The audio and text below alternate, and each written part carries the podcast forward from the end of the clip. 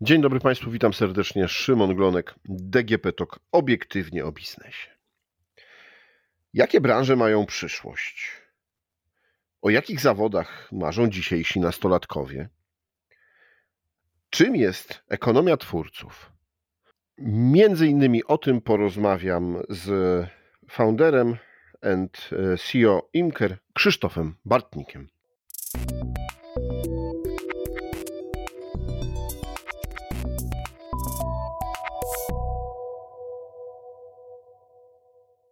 Dzień dobry. Dzień dobry. Panie Krzysztofie, to zacznijmy od tego, czym jest ta ekonomia twórców. Zacząłbym od tego, e, od tego, kim ci nastolatkowie czy młode osoby chciały być w przyszłości, bo myślę, że to jest takie fajne spojrzenie na ten cały temat. I niedawno było ciekawe badanie na ten temat, które mówiło, że e, w Polsce chcą być programistą, e, w krajach skandynawskich chcą być autorem, a jeszcze myślę, że rok czy dwa lata temu chcieliby być youtuberem. I ekonomia twórców to jest właśnie sposób na to, by te marzenia zrealizować za pomocą internetu. Przynajmniej ja tak to postrzegam. Czyli mm, przekazujemy swoją wiedzę, zamieniamy ją w twórczość, na książkę, na film, na, na kurs internetowy. Sprzedajemy ją, na tym zarabiamy. Czyli taki nowy zawód, który pozwala zarobić na swojej wiedzy i pasji. Mhm. E, no ale wydaje się, że to już nie jest taka e, ogromna nowość, no bo mm, bycie twórcą internetowym, youtuberem, blogerem, no ma już tak około 15 lat. Zgodzę się, jeżeli chodzi o blogi, e, tak to było postrzegane, tylko bycie twórcą internetowym trochę zmienia swoje znaczenie, w sensie zmienia się definicja tego, co to znaczy być e, twórczynią czy twórcą. E, wcześniej wydawało mi się, że to idzie w kierunku takim, że trzeba być rozpoznawalny, mój, mój blog czy tam mój serwis ma odwiedzać bardzo dużo ludzi i przy okazji pojawią się jakieś firmy, które gdzieś tam będą się promować, a w aktualnym e, znaczeniu bycia twórczynią czy twórcą chodzi o to, żeby właśnie tworzyć produkty na podstawie e, swojej wiedzy, na podstawie swojej pasji, e, dzielić się ze swoją publicznością, czyli te, ten autor czy autorka zbiera tą publiczność, no i oferuje tym osobom konkretne, konkretne produkty czy konkretne usługi. Tak bym powiedział, że to wygląda aktualnie. I bym powiedział, że to zyskuje mocno na znaczeniu w kontekście liczb, bo mm, wcześniej to było traktowane jako działalność powiedzmy w internecie, jako e, bycie blogerem, a w tym momencie e, to jest już tak, tak duży rynek, tak, duża, tak duży segment rynku, że mówi się o ekonomii twórców jako no, zupełnie nowym zawodzie, czy zupełnie nowym e, podejściu do robienia biznesu w internecie. Czyli żebym dobrze zrozumiał to, przez te ostatnie lata można powiedzieć, że zarabiało się na tym, że jest się znanym, tak? I e, młodzi twórcy dążyli do tego, żeby być po prostu znanymi, przez to dostawali jakieś kontrakty reklamowe, dostawali e, możliwość zarobkowania. E, a obecnie nie najważniejsze jest, żeby być znanym, bardzo często z tego, że po prostu jest się znanym, tylko żeby jednak mieć coś do powiedzenia, coś do przekazania, wytworzyć swój własny, teraz modne słowo, content e, i na nim zarabiać. Tak, dokładnie tak bym to podsumował. E, gdybym mm, nawet, jeżeli chodzi o liczby, to jest właśnie e, ciekawy wątek, bo to nie jest tak, że w tym momencie trzeba mieć dziesiątki, setki tysięcy obserwujących fanów, e, żeby po prostu pozwolić sobie na ciekawe życie, tylko można to zrobić zupełnie ze znacznie mniejszą publicznością niż nam się wydaje. Znam nawet twórców, którzy mają po 100, po 200, po 300 osób, które śledzą ich poczynania, ale po prostu kupują od nich wszystko, co wydają, i to spokojnie pozwala na e, bardzo fajne, wygodne życie. Mhm. E, jak w tym momencie wygląda właśnie taki e, influencer, taka osoba, która. Bo powiedzmy może tak właśnie, czy to jest nadal bycie influencerem, czy to, tak jak pan powiedział, nie jest równoznaczne, że twórca to jest influencer?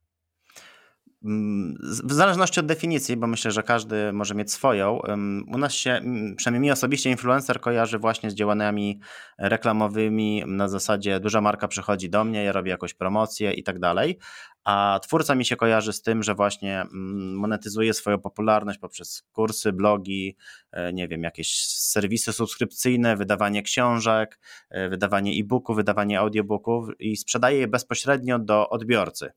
Czyli y, to nie to, że tylko pokazujemy produkt, y, czyjś inny kup sobie go w sklepie, ale kup bezpośrednio u mnie jako u twórcy. Więc ja bym osobiście y, twórcę, czy w ogóle rynek twórców postrzegam inaczej niż rynek influencerów. Przy czym to nie zmienia faktu, że influencerzy mogą być twórcami i w drugą stronę.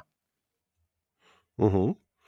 E, to y, jakie, jakiego, jakie umiejętności E, jakie skille, jakby teraz powiedzieli młodzi, są potrzebne, żeby być dobrym twórcą?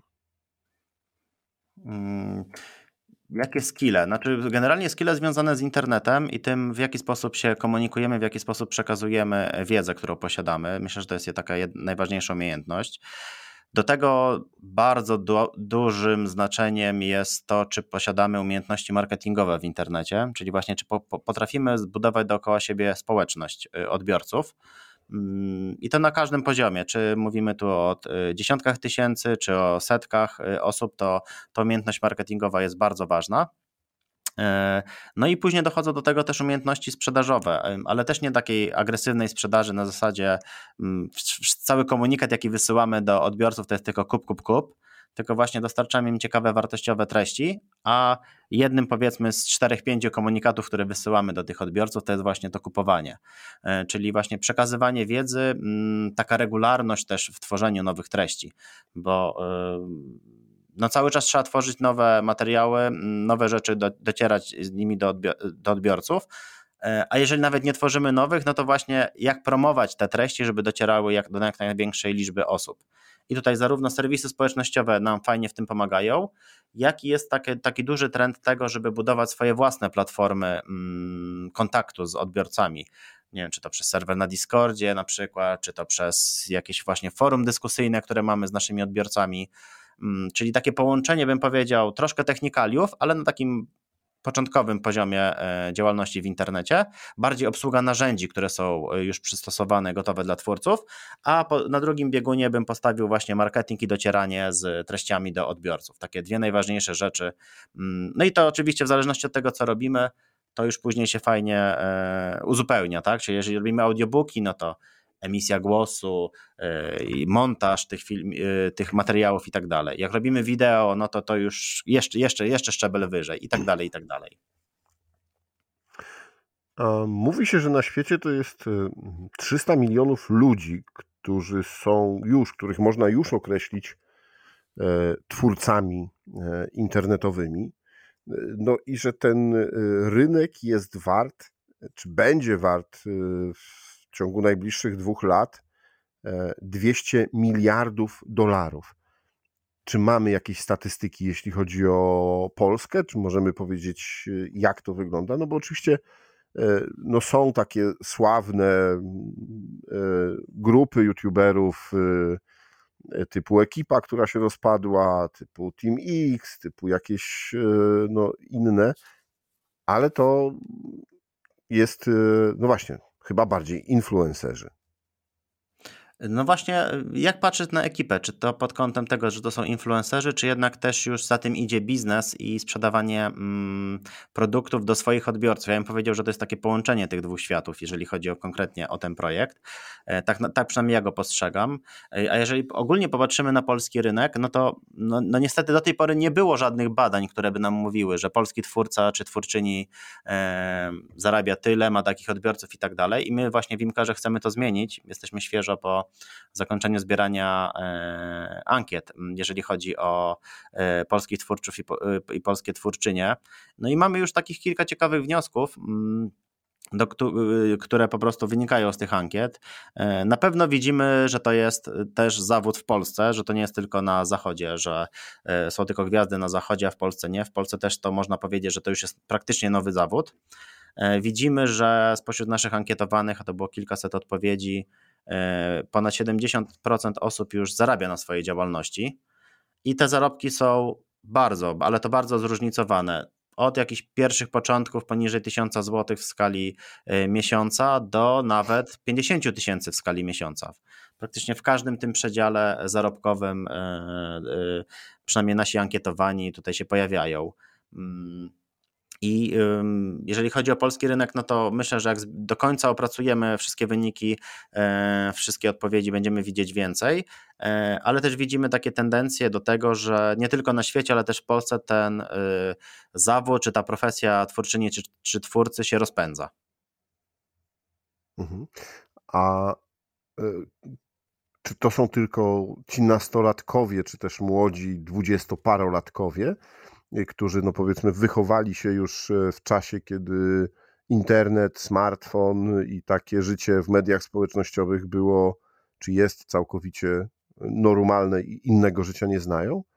E, czy... E, ja bym powiedział, ja bym powiedział, że nawet nie, że nawet nie nastolatkowie. Nastolatkowie mm, są w takiej grupie e, początkującej wannabe, a osoby starsze, przez osoby starsze mam na myśli tutaj powiedzmy przedział wiekowy 30-45, to jest moim zdaniem w tym momencie najliczniej reprezentowana Dziękuję. grupa. E, najliczniej reprezentowana grupa, jeżeli chodzi o twórców, no bo jednak to patrzymy na to jak na młodą branżę, tak? Na tej zasadzie. Przy czym też nie brakuje osób z, i z, ze starszej kategorii wiekowej i z młodszej, bo rozstrzał jest tak jak myślę, że z zarobkami, tak samo jeżeli chodzi o wiek. Mm, myślę, że bardziej to jest ta mm, ta chęć przekazywania e, swojej wiedzy, swoich umiejętności do innych i tego, czy chcemy wychodzić przed publiczność i coś do nich przekazywać. I tutaj znów, niektórzy robią to, nie wiem, szkoleniami wewnętrznymi, a inni przenoszą się do internetu i po prostu widać taką tendencję w każdej grupie wiekowej, przy czym najliczniej reprezentowano, bym powiedział, jest chyba, to będą milenialsi, tak, jeżeli chodzi o e, takie u, u, uklasyfikowanie, jeżeli chodzi o, o generację. Mhm. E, to popytam jeszcze dalej o tą e, demografię. Kobiety czy mężczyźni? Kto ma e, większe parcie na internet? Ja bym powiedział, że tu jest 50 na 50. E, nie powiedziałbym, czy z lekką tendencją na to, że więcej mężczyzn niż kobiet, ale to nie jest tak, że e, jakaś tam znacząca przewaga, jeżeli chodzi o, o płeć. Mhm. A na czym y, twórcy zarabiają? Znaczy w tym sensie, że no wiemy, no, powiedział Pan o tych szkoleniach y, i różnych produktach, które są w stanie wytworzyć, ale z jakich obszarów y, wiedzy są największe przychody? Mm, znaczy, z jakich obszarów wiedzy, no tutaj mm, branża to pewnie w zależności od tego, kto jak y, sprawnie działa w internecie. Ja bardziej patrzę na to produktowo.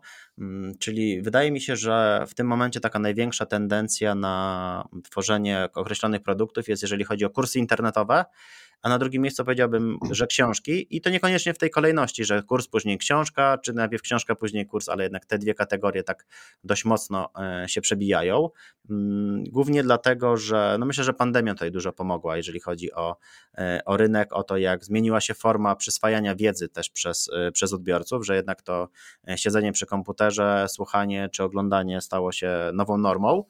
I tak samo poszedł za tym rynek mm, też trenerów czy szkoleniowców, którzy do tej pory robili szkolenia stacjonarne, no okazali się, okazało się, że muszą się obudzić e, w nowej rzeczywistości e, pandemicznej, gdzie jednak z tego domu nie wolno wychodzić i przerzucili się do internetu. Dlatego myślę, że te takie dwie grupy są najbardziej e, reprezentowane. No i też fajne jest w byciu twórcą czy twórczynią to, że jednak produkty robimy raz, a sprzedajemy je cały czas. To jest myślę taki jeden z ciekawszych elementów, czyli to nie jest tak, że poświęcamy swój czas za każdym razem te dwie godziny, żeby to szkolenie poprowadzić, choć oczywiście też możemy tak zrobić, ale jednak ten kurs czy książka jest już nagrany, jest już napisana i po prostu kolej, każde, wytworzenie każdego kolejnego egzemplarza e, jest dla tej osoby już łatwiejsze. A y, to ja jeszcze po, popytam o tę branżę, no bo mm, sprzedajemy szkolenia, ale to jest tak, no nie wiem, y, szkolenie z wizażu, szkolenie z Excela, czy szkolenie z fotografii? Mm, Są takie znaczy ja my... wybijające się tematy? Znaczy, nie, nie, znaczy ja bym jeszcze, jeszcze inaczej bym to troszkę uklasyfikował. Jakbym miał tak pomyśleć całościowo o branżach, mm, no to pewnie na pierwszym miejscu bym powiedział, że to jest taka, bym powiedział, branża finansowo-rozwojowa, na zasadzie takiej, że albo właśnie sposoby na dbanie o swoje finanse, rozwój, albo mm, coś związanego z byciem przedsiębiorcą, byciem przedsiębiorczynią w internecie. O tak bym to zakwalifikował. Mm, a jeżeli chodzi o takie y, poszczególne tematy, to rozwój osobisty, rozwój organizacji. E, na pewno też tematy związane ze sztuką, jakimiś, jakąś manufakturą ręczną, czy zdrowiem, tak? Bo zdrowie to też jest e, grupa, która mm, może nawet nie być postrzegana e, przez pryzmat tego, że są twórcami, no ale jednak to też jest jakieś, jakaś forma przekazywania wiedzy, planów ćwiczeniowych i tak dalej, więc ta, to zdrowie też bym tutaj zakwalifikował. Więc takie główne kategorie bym widział, a pomniejszych pewnie je znacznie, znacznie więcej. Mhm. No to proszę jeszcze powiedzieć, czy powiedział Pan, że są jakby dwie, y, dwa modele, dwie metody zarabiania, y, albo poprzez platformy, albo poprzez budowanie własnych kanałów. No myślę, że to jest dużo trudniejsze i już y, wymaga też większej wiedzy i doświadczenia, no ale też wymaga już zgromadzonej społeczności. Mm, łatwiej jest zacząć na tych platformach. No to która platforma y, dominuje na świecie, a która dominuje w Polsce? Czy są różnice między y, znaczy ja myślę, właśnie... że jeżeli chodzi o, o, platformy, no to zdecydowanie postawiłbym w tym momencie na wideo i na YouTube'a, e, który no, przebił się do szerokiej świadomości bardzo mocno i tam mm, staje się takim miejscem troszkę znajdywania kontentu po raz pierwszy. Nawet bym powiedział czasem bardziej niż y, wyszukiwarka internetowa. Jak poszukujemy jakichś treści, to lądujemy bardzo często na YouTubie, co zresztą y, nie jest złe, bo dalej to wszystko w ramach jednego koncernu się odbywa, więc im też na tym zależy. E, to, co pan powiedział, czyli mm, własna platforma dłuższa ścieżka, a platforma gotowa krótsza, więc jak najbardziej czasowo tak, ale z drugiej strony własna platforma właśnie w kontekście czasu i, i, i da, da, lepsze efekty y, osobiście. I też nie jesteśmy narażeni na takie ryzyko, że no nagle ktoś nas z jakiejś platformy usunie, bo na przykład nie spodoba się, bo zrobimy coś, czym nie wiedzieliśmy, że na przykład łamiemy regulamin, a nagle wylatujemy z tej platformy. I wszyscy nasi obserwujący z jednej strony tracą nasz content, a my tracimy nasze e, źródło biznesu.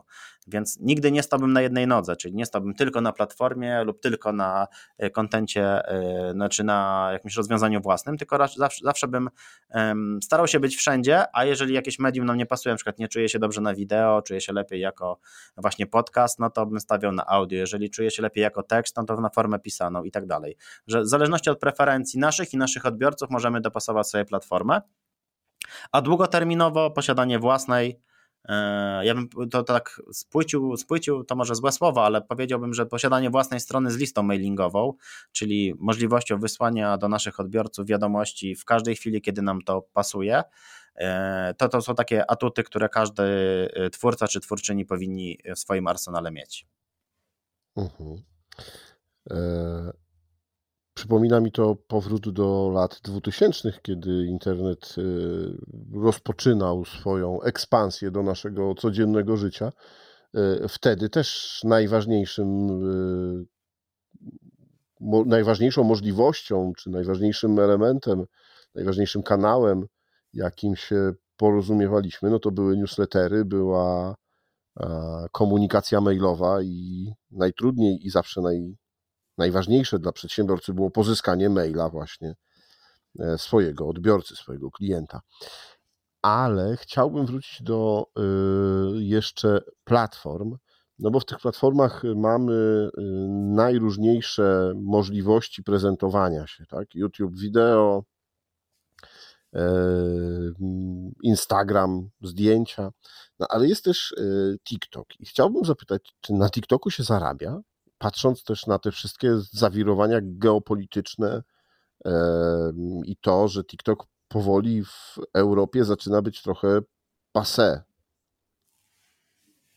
Znaczy, na pewno są osoby, które na TikToku zarabiają. Nie powiedziałbym, że to są takie tak duże zarobki jak w przypadku innych platform, tak uśredniając, czy na YouTubie, czy na Instagramie, właśnie wspomnianym. To jest takie medium mm, dla młodszej grupy odbiorców w tym momencie, tak bym to postrzegał, ale też to nie zmienia faktu, że ta grupa e, młodsza też dysponuje budżetem i, i środkami na, do wydania, więc jak najbardziej kierowanie się do tej mm, społeczności to ciekawy kierunek. Mm, no właśnie te kwestie związane z bezpieczeństwem czy postrzeganiem TikToka, tak jak nie wiem, dla niektórych Facebook jest już e, starą platformą, e, tak jak wcześniej były jeszcze wiele innych, tak myślę, że i TikTok kiedyś będzie starą platformą dla, dla tego młodszego pokolenia.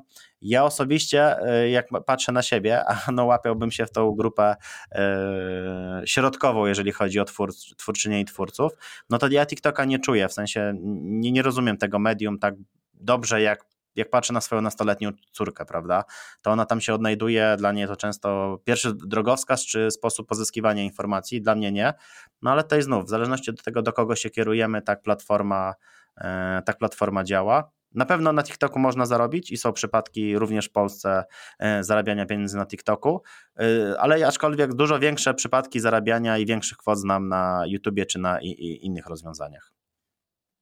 Mhm.